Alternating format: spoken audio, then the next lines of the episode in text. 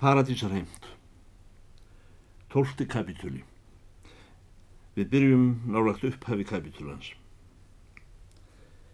Pilturinn sem fjekk ekki að koma á bak þeim gráa stendur í bæjardýrónum og réttir konunni höndina. Ég átti leiðum hlaðið, segir hann. Þú mynd vilja tala við steinu, segir konun. Ekki um neitt sérstakt, segir hann. Ég skal kalla á hana, segir húsfræja. Ekki búinu vant við bundin, segir gestur. Og hún er inn í búrið að strokka, segir konan. Kanski vil hún þurka fram hann úr sér smjörið áður hún talar við pilt. Það má vera eins og vill, segir hann, ég get komið aftur undir jólinn. Undir jólinn, segir konan. Það er nú sem betur fer ekki komin eitt næri jólum. Hún er falleg hjá okkur piltónum hæverskan, þó má að öllu ofið mikið gera. Mér hefði langað að sjá hjá henni lítinn hlut sem ég veit hún á, segir hann. En ef hún er við bundin má það einu gilda, þá byrði bara að helsa. Setna kannski. Gáttu beintinn í búr til telpunar drengur, saði konan. Hún stóð á millipilsinu, berun og bringu, gljáandi moldarvekkurinn bak við hana og skók strokkin með þeirri sérlegri reyfingu, nokkuð hægri, en bundinni sem þar úthendist, þannig sem maður og ambóð verði eitt líf í sérstökum dansi. Hún skók áfram eftir að pilturinn hafði byrst enni hálfbógin í búrdirónum. Smjörið hafði slest af bullunni upp um bera handleggi hennar, háls og andlit. Hún roðnaði og brosti ofan í strokkin en það má ekki hætta í miðjum strokki. Má ekki byggja þig að gera svo vel að holfa undir þig kyrnunni þarna og fá þig sæti. Þegar hann var sestur segir hún upp úr stroknum Sjálf séður hvítir hrafnar, það má nú segja, en okkar frétta. Ekki nefn allt meinhægt, segir hann. Hvað er títt hjá þér? Allt gott, saði hún og let ekkert fýpa sig við skagsturinn, leið þó til hans út undan sér, forvitinn og feiminn í sem, en hýr, uns hún fær ekki lengur orða bundist. Hvað er að þarna hefur þú runnið, segir hún, mjög myndið þú hefur verið stærri og þreknari. Það hlýtur að vera því að þú ert sjálfall blásins undur, sagði hann og gæti ekki haft augun af þessari miklu stúlku. Við glápum hvort á annað og þekkjumst vall aftur. Svo langt er síðan við höfum sérst, sagði hún. En þér er kannski bara kallt. Af hverju komst aldrei? Bjóstuði mér, saði hann. Hún svaraði. Þú saði nú ætlaður það. Ég reyti mig á það. Við höfum sérst við kirkju endrum og eins, saði hann. Það kalla ég ekki að sjást, saði hún. Ég skammast mér bara fyrir hvað ég er útslett í smjöri loksins þegar þú sér mig, en bráðum skaltu þó fá ávir.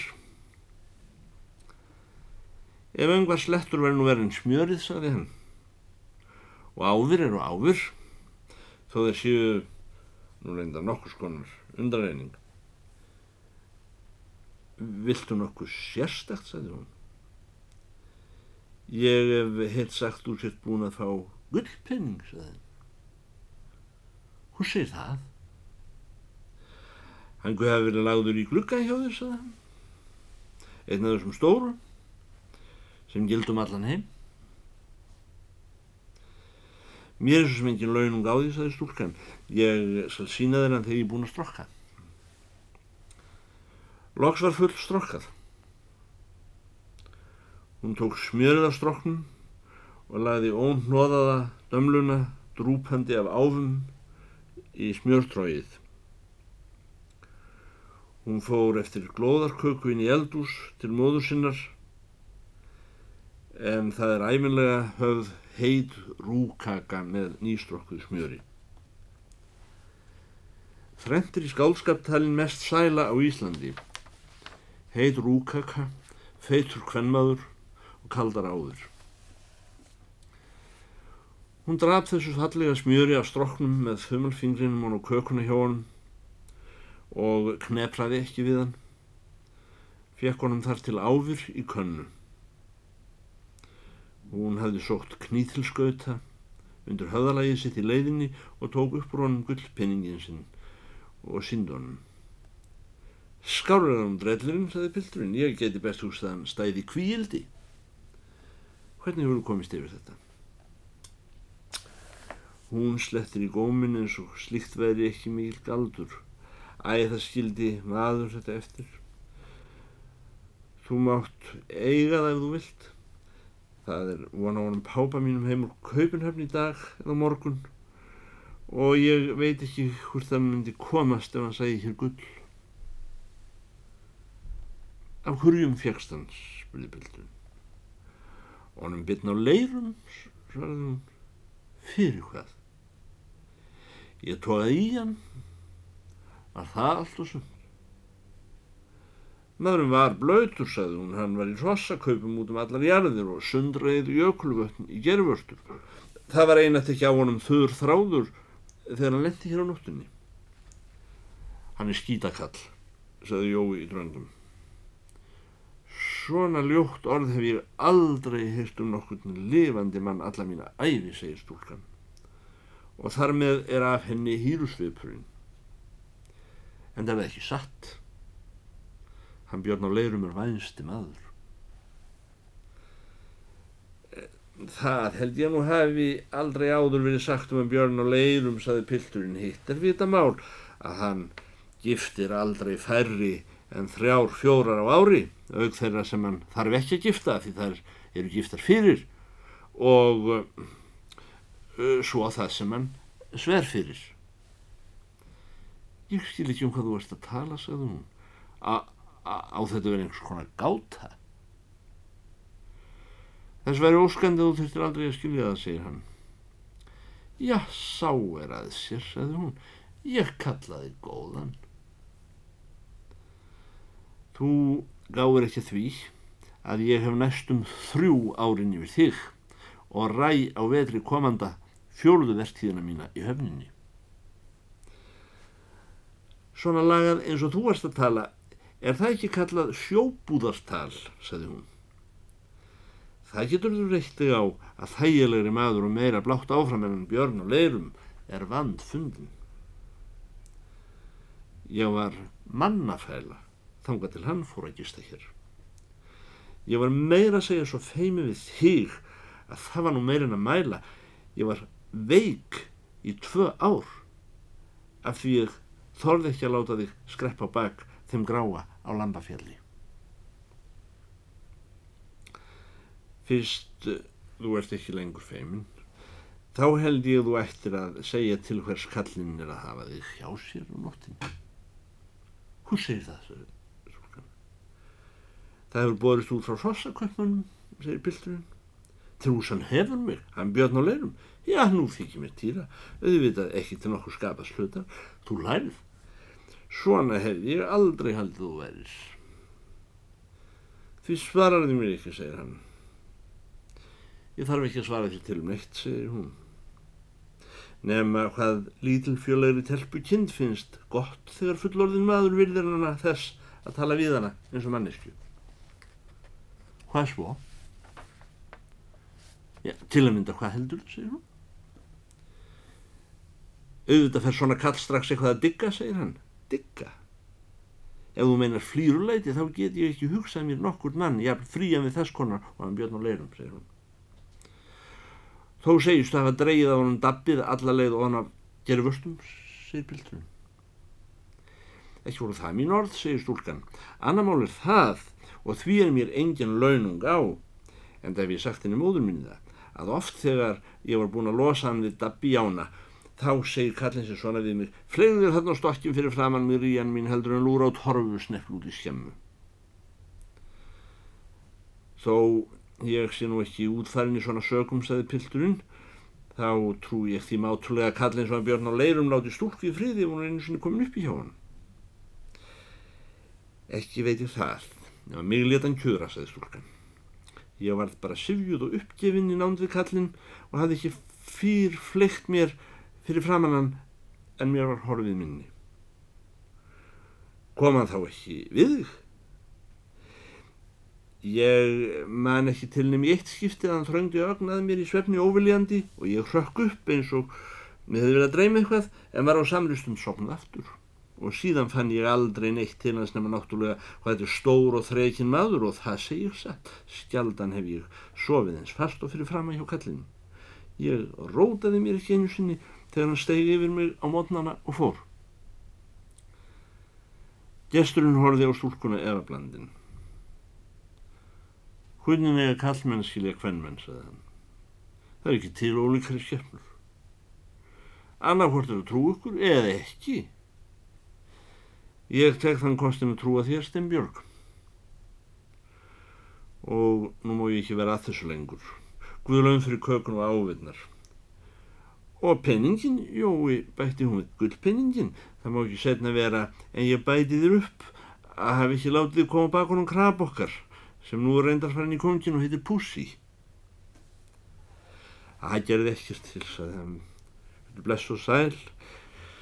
Ganski stingja múið penninginum upp á ókomið og þakka þér fyrir.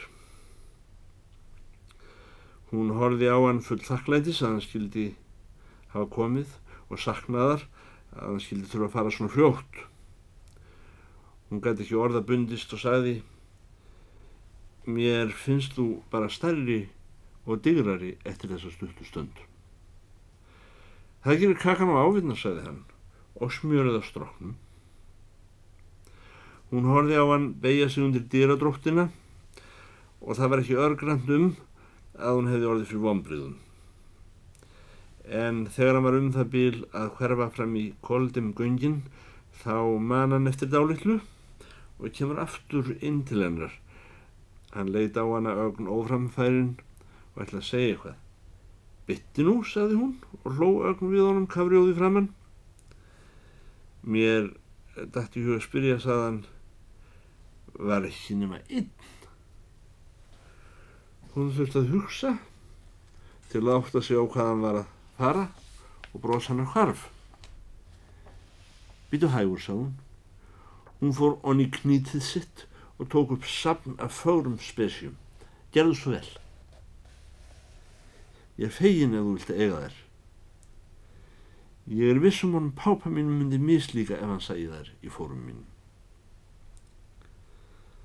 Hann tók við silfrinu og sá að það var að vísu gott. En, segir hann, ég, ég átti við, voru ekki fleiri gullpenningar.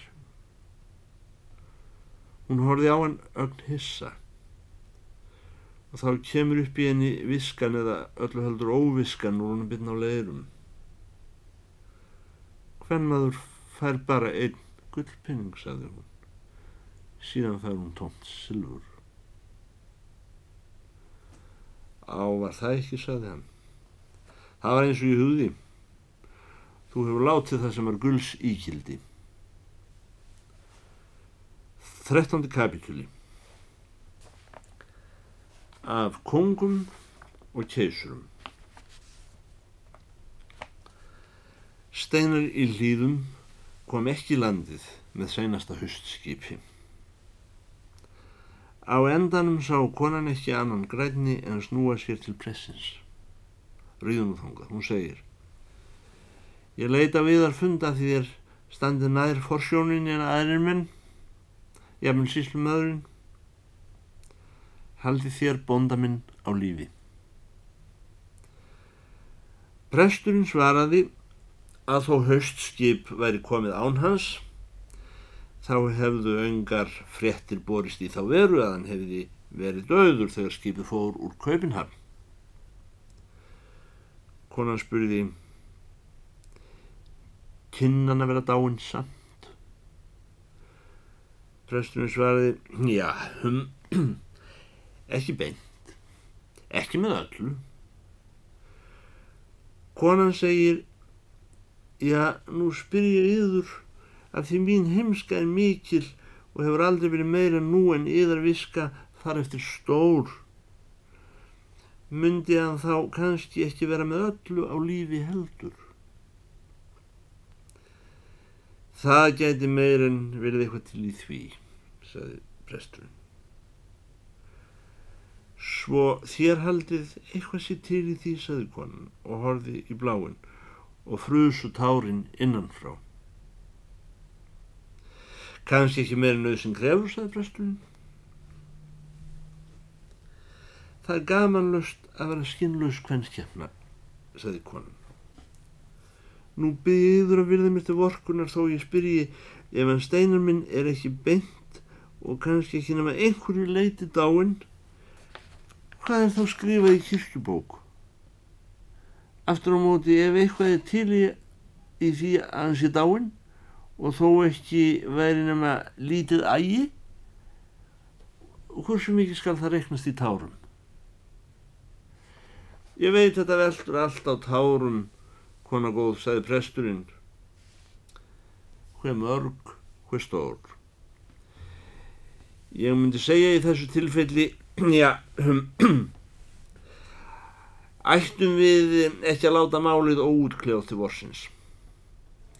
Síðan laud prestur að konunni svo hvíslandi. Ég hef sum sé hirt út undan mér að steinarðinn sé einn þeirra sem hitt hafa mormón. Það kuð hafa gerst sér í sveitum sumari sem kongurinn kom. Sumir segja að hann hefði leist mormón sem var bundið við stein. Milli skilaréttar og jólaföstu um það bíl sem tár í hlýðum voru ekki lengur grunnstingull einn, heldur örugur ís. Þá kemur bref frá Pápa.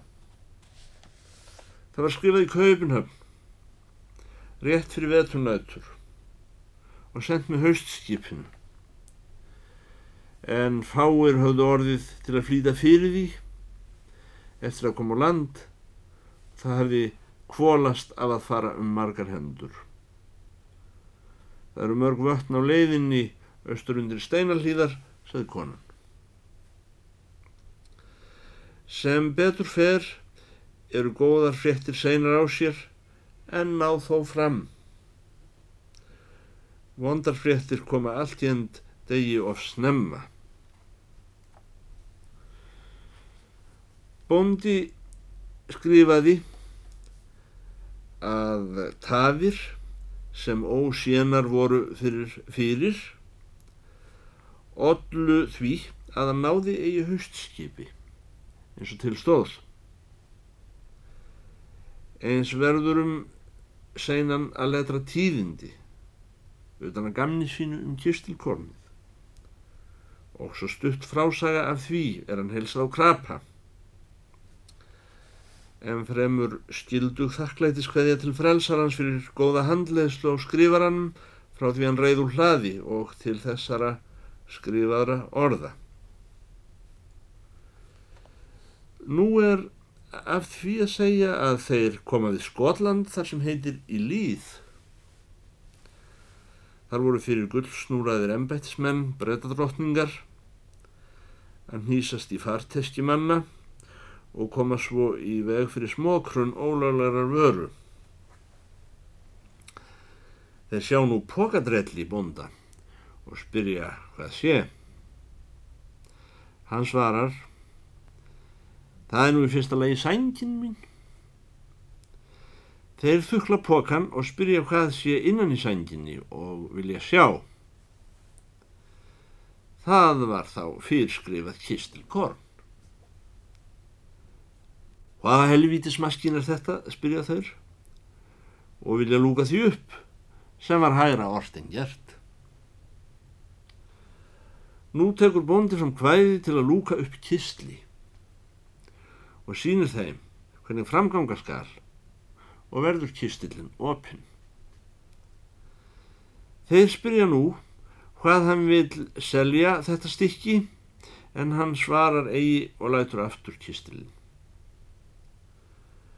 Nú drífa að fleiri embætsmenn, hærri í tegn og að samaskapi hækka bóð í kistilinn.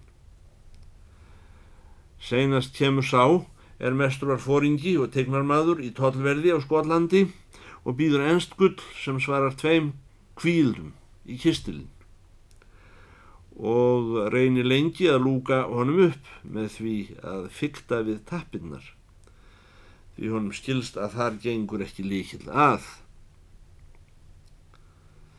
Verður kistillin æð því harðlokaðri sem hann fyktar fleira. Þá lætur bóndi tólkan að segja að þessi kistill verður eigi upp lokinn nema með hvæði. Kýrverð fyrir hvæðið, segir fóringin. En sem fóringin lítur á hvæðið, þá renna á hann tvær grímur. Nú hló steinarbúndi og klappaði þessum herramann á aukslina og lætur segja að breyta drottning var gersemi að manni. En þó var ekki breytaveldi borgunar maður fyrir þessum kistli. Var hér sá einn staður þar sem gull er óduganlegt. Vafiði síðan kistilinn inn í sængina aftur en brettar báðu hann aldrei þrýfast. Segji nú ekki fleira hlýðabonda fyrir hann kemur með kistilkornið til Kaupinhafnar sem þeir eru nú teknir upp á að kalla Kaupmannahöfn. Var þar á bryggjunni maður frá konginum með bref upp á að bóndin skildi sofa í sjómannahúsinu Vesturgötu 5, Kristjáns höfn. Mundi þar koma íslensku stúdent að finna hann og sína honum borgina. Innan í voru peningar að fá sér að borða fyrir þar á veitingahúsum því hér fæst ei beini án endur gjalds. Nú gefst ekki tóm að fjölirða um kaupinhöfn. Þann stað sem um hann mætti gera bækur, skrifar bóndin. Það er einn sérdeilis brú sem upplýkst sjálf. Ég skil eigi hurnin og fara hafskip í gegnum. Þurðuverk mikið. Það voru Þorvaldssonar fallega smíðahús með mjúglátlega dísir og miðmjó piltkorn. Einn eigin bísna lendprúða hesta og sitja þá rittarar í nokkrum vígahug. Þá mú nefna gasverkið, eittið göfugasta meistaraverk hér á landi, flytur líðum ljós og íl. Þar er stein Kólaglóð mikil um sig, litja úr henni pípur gegnum jörðina út í staðinn, upp í gegnum múrveikina inn í húsin og herbergin. Nú ef maður vil fá ljós eða eld þá skrúfað frá láthúns pípu í herbergjum staðarins og borin að eldspýta fer þá að lofa. Þetta þykir sumum og er ótrúlegt en þó satt og er merkilegt. Ekki hef ég enn minnst á Tívoli sem Danir hafa gert til að líka eftir himnaríki og paradísar sælu þó ekki hafi ég unað mér þar alls kostar, segir bóndi. Og valla hefði mér verið leift í bensku að hafa því lík ærsl í frammi á almannafæri sem þar fyrir sig ganga. Mundi og eigi vilja sjá börn mín að þvílikum leikum. Runnu þar nokkrir sem kettir, þráðbeint upp, stengur og framfórum með óþarfa príli og glenni verki upp á loftslám og strengjum. Sem betur fer slapp þó ekki til. Þá var þar og í einu síningarhúsi að kom nokkuð auðnuleysislegt fólk og þar eftir ankannalega doffýrað að gera spilir í með kolskít og pústrum og öðru miðlungi vitulegu fasi sumir helsti fatalitlir einhverjum gwendin spurði ég hvaða fólk þetta væri og það sagt að bóndin hétti Arlaki en konan Kollabína Þar var og drengur eitt Páli ákvörðanarfni að stíga í vænginu húsfröyu. Sýndis mér allt þetta fólk heldur óáreðanlegir þegnar. Reyndar átti allt að heita spaug en er handa þeim einum sem líkt eru gama vandir.